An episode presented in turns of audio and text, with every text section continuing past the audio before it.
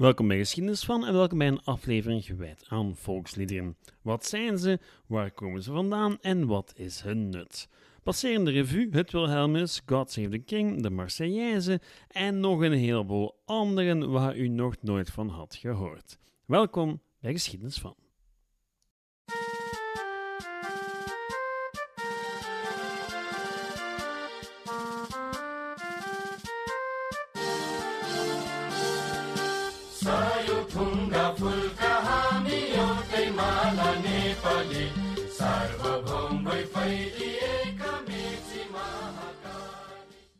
Ik ben gek van volksliederen. Echt waar. Ik weet heus wel dat het meestal niet meer zijn dan historische artefacten waarvan de helft van de bevolking de tekst al vergeten is.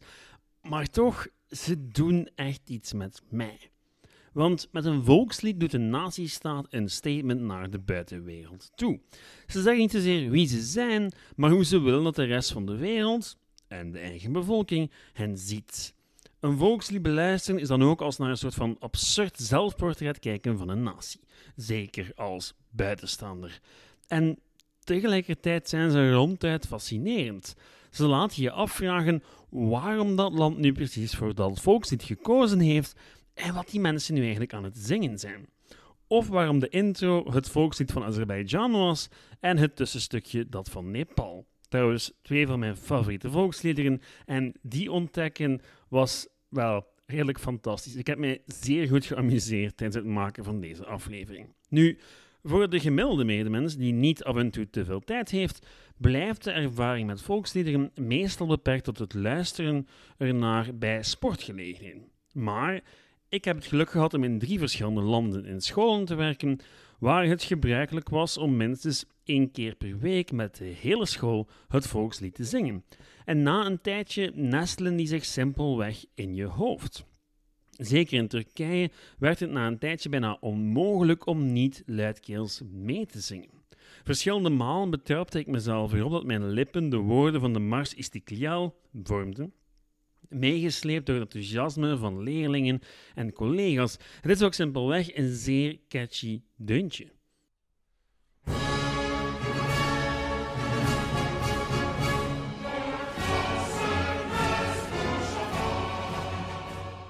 In China voelde de vlagceremonie met volkslied zo militair aan dat ik er nooit aan heb kunnen wennen.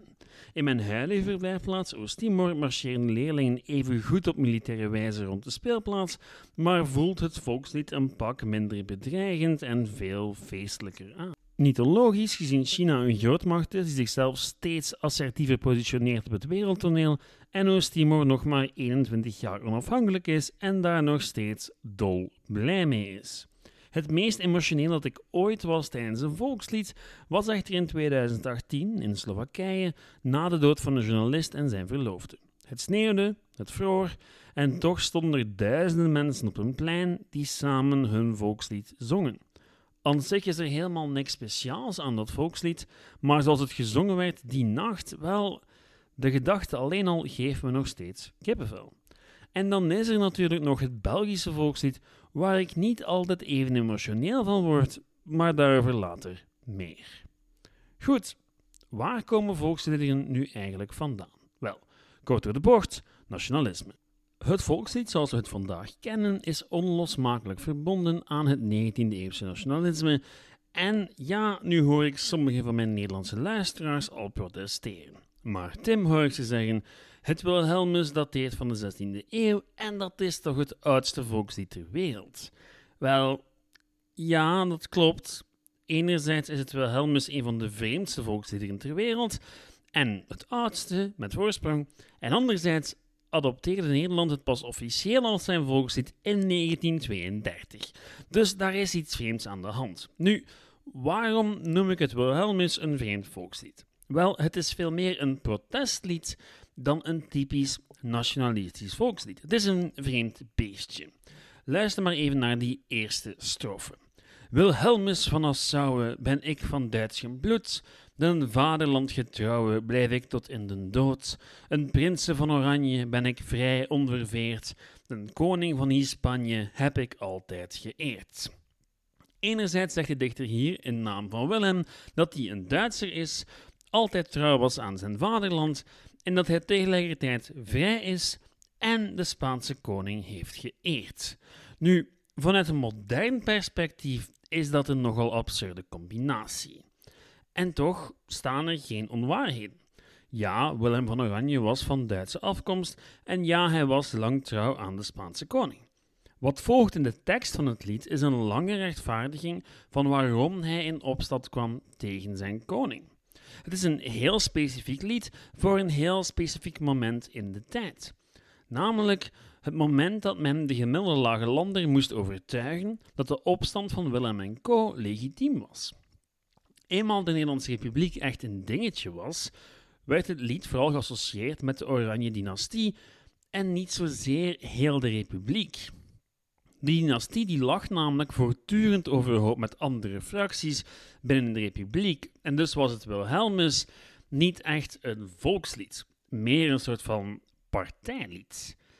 Nu, toen het Verenigd Koninkrijk der Nederlanden werd opgericht in 1815, sorry, 1814, um, wat de voorganger was van min of meer het huidige Nederland, maar nog met zijn Belgisch aanhangsel, koos men niet voor het Wilhelmus als volkslied, omdat de Oranjes intussen zelf koningen waren geworden en boven al die fracties wouden staan.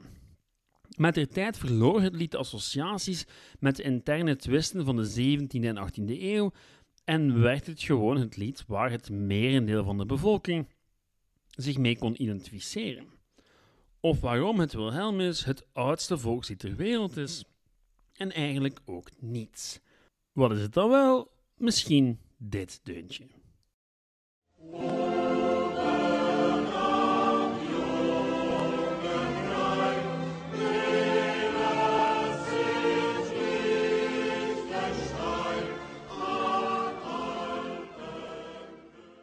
Dit is het volkslied van Liechtenstein, maar u kent het waarschijnlijk onder een andere titel en met een heel andere tekst.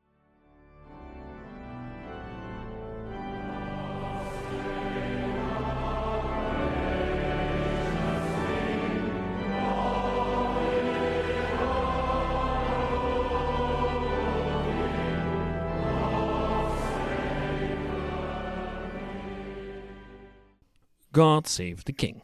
Of Queen, afhankelijk van wie er nu eigenlijk op die troon zit. Dat voldoet al veel meer aan de klassieke definitie van een volkslied. Een lied dat geschreven werd om het eigen land te vertegenwoordigen en de bevolking te overtuigen zich achter de natie te scharen. Nu, dat geldt zeker voor God Save the King. Ook al weet niemand echt wanneer het geschreven is en door wie, maar we weten wel wanneer en waarom het populair werd in 1745, toen er een boze prins met een leger richting Londen marcheerde en men daar wat zenuwachtig aan het worden was en componisten volop op zoek gingen naar een lied om trouwe Engelsen aan te sporen zich te verenigen rond de vorst. En zo geschiedde. En sindsdien is God Save the King echt wel het centrale lied in Engeland en bij uitbreiding Groot-Brittannië. Maar uh, er schort toch iets mee als volkslied. Het gaat namelijk niet echt over het volk of de natie. Het gaat over de vorst. En zolang die vorst het centrum van de macht is en niet het volk, kan je het wel echt hebben over een volkslied. Moet dat lied nu niet over het volk gaan en wat het volk wilt? En dit is eigenlijk ook waarom een versie van God Save the King het eerste volkslied werd van een heleboel monarchieën in Europa, omdat heel wat koningen nog niet goed wisten wat ze moesten denken van al dat nationalisme. En zij kozen dan vaak gewoon voor God Save the King, waarbij de koning gered werd in de eigen taal. Heel wat Duitse vorstendommen, maar bijvoorbeeld ook Denemarken, adapteerden een versie van God Save the King. In de loop van de 19e eeuw echter voelden die landen zich steeds meer verplicht om het een of ander eigen volkslied te adapteren, want ja, de natiestaat had echt zijn intrede gedaan en de vorst kon niet meer beschouwd worden als de verpersoonlijking van de natie. Wat mij brengt tot het eerste echte volkslied. Wel, in elk geval toch wat mij betreft.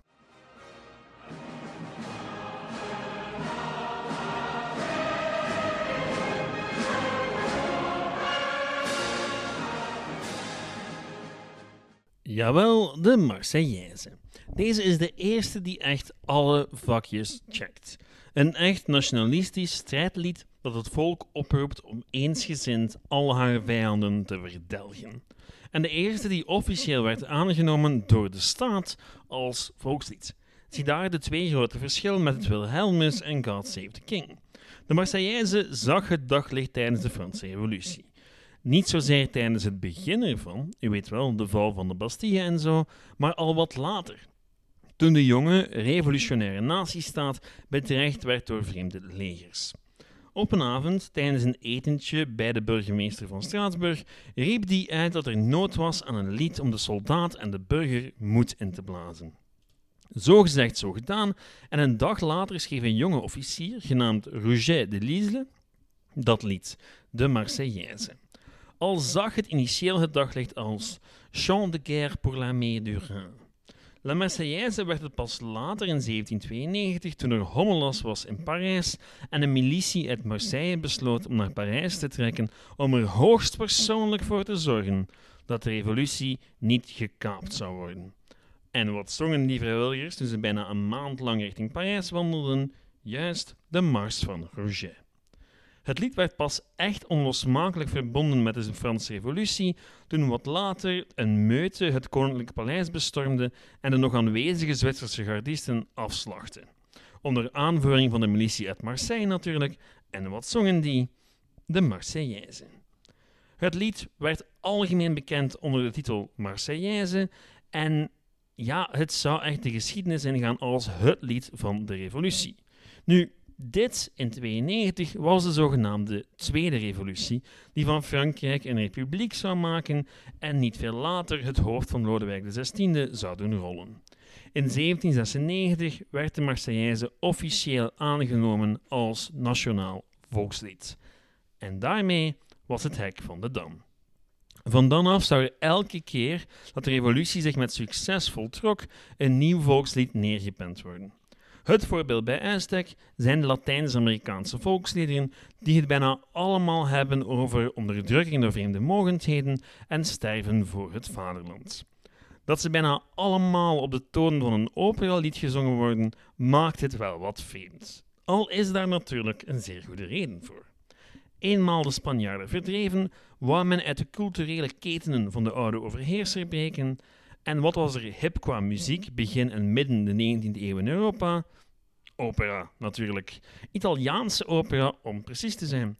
Of waarom een heleboel volksliederen uit Latijns-Amerika enkel juist gezongen zouden kunnen worden door een Botticelli of een Pavarotti. Om de toon wat te schetsen, dit kort fragment uit het Paraguayaanse volkslied met de fantastische titel Republica o Muerte, Republiek of de Dood.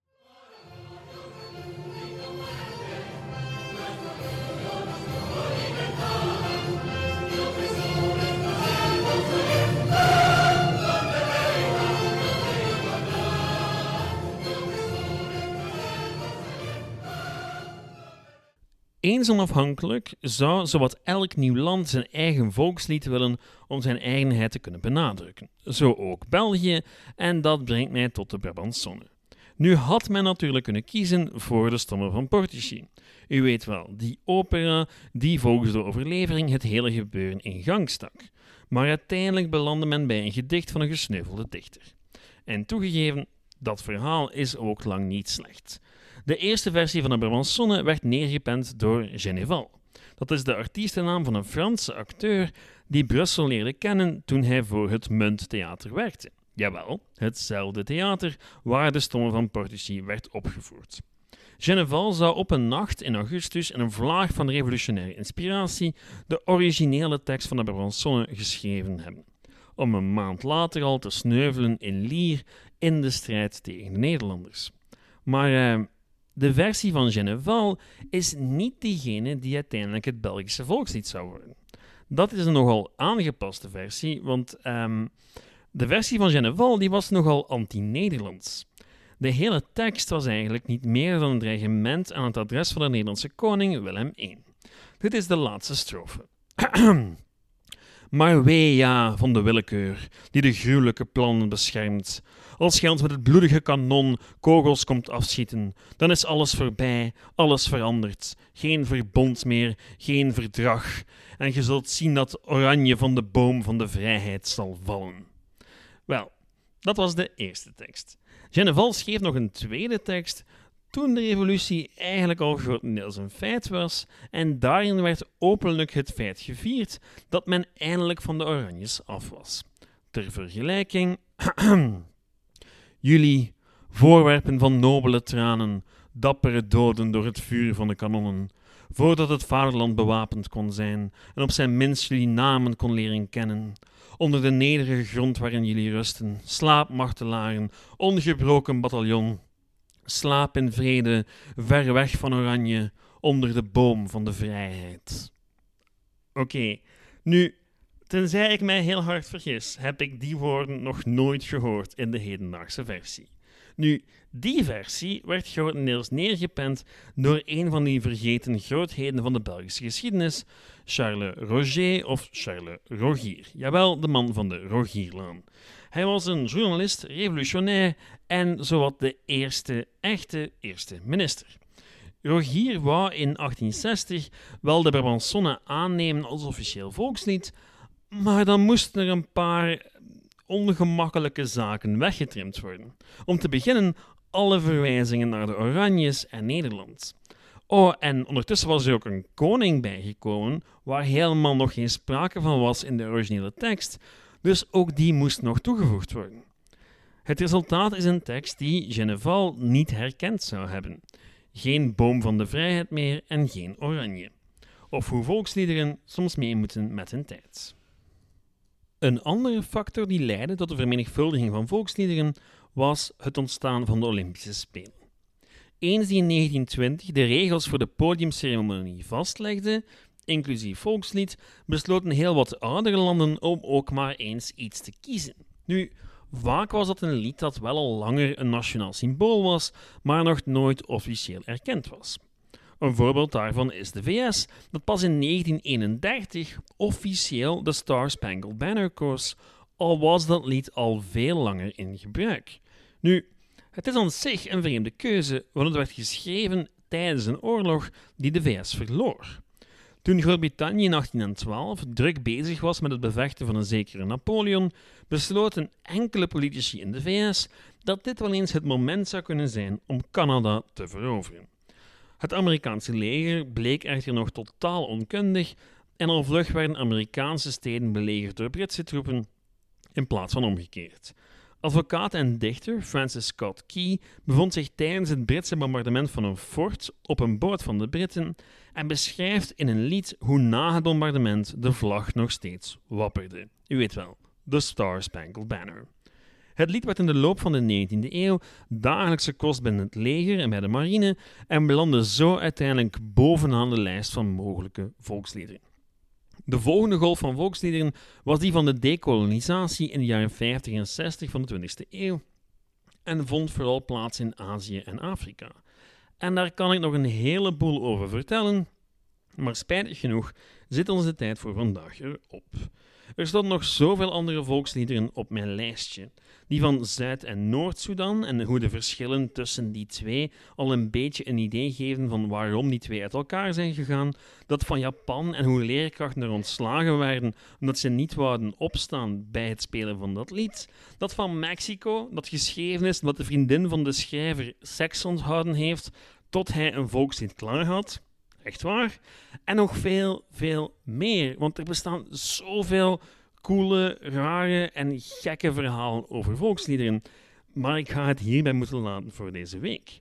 Nu, mocht u de volksliederen nog niet beu zijn, laat het mij dan zeker weten. Want ik ben zo gek van de dingen dat ik er nog een aflevering of drie over kan uitpersen. Dit was niet meer dan een soort van inleiding, een bliksemoverzicht. Voor zij die niet kunnen wachten op mijn volgende worp, kan ik alvast het boek Republic or Death aanraden van Alex Marshall. In het boek reist hij de halve wereld af op zoek naar de boeiendste volksliederen en vooral de mensen en de verhalen erachter. Van Paraguay tot Kazachstan, van Liechtenstein tot Zuid-Afrika. Wie een meer algemeen overzicht wenst, kan terecht op nationalanthems.info, waar men zowat alle volksliederen ooit bij elkaar verzameld heeft, inclusief audio. Goed. Met suggesties en commentaar kan u zoals altijd terecht op het e-mailadres geschiedenisvan.outlook.be, de website geschiedenisvan.be en de Facebookgroep Geschiedenis van. Eruit gaan we met het volkslied van Nepal, dat mijn persoonlijke favoriet is. Omdat het zo simpel is en zo leuk. Zwat. Bedankt voor het luisteren. Ciao.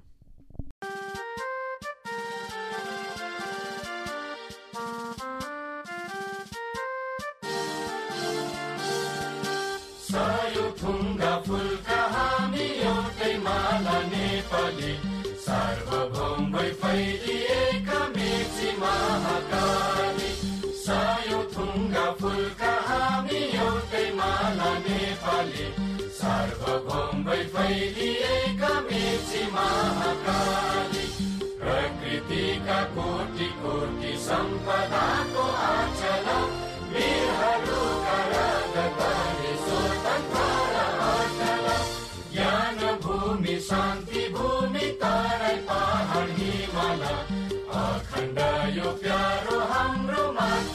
भूमि मे पद। बहुजाति भाषा धर्म संस्कृति सन्देशा आन्ध्रकादि राष्ट्र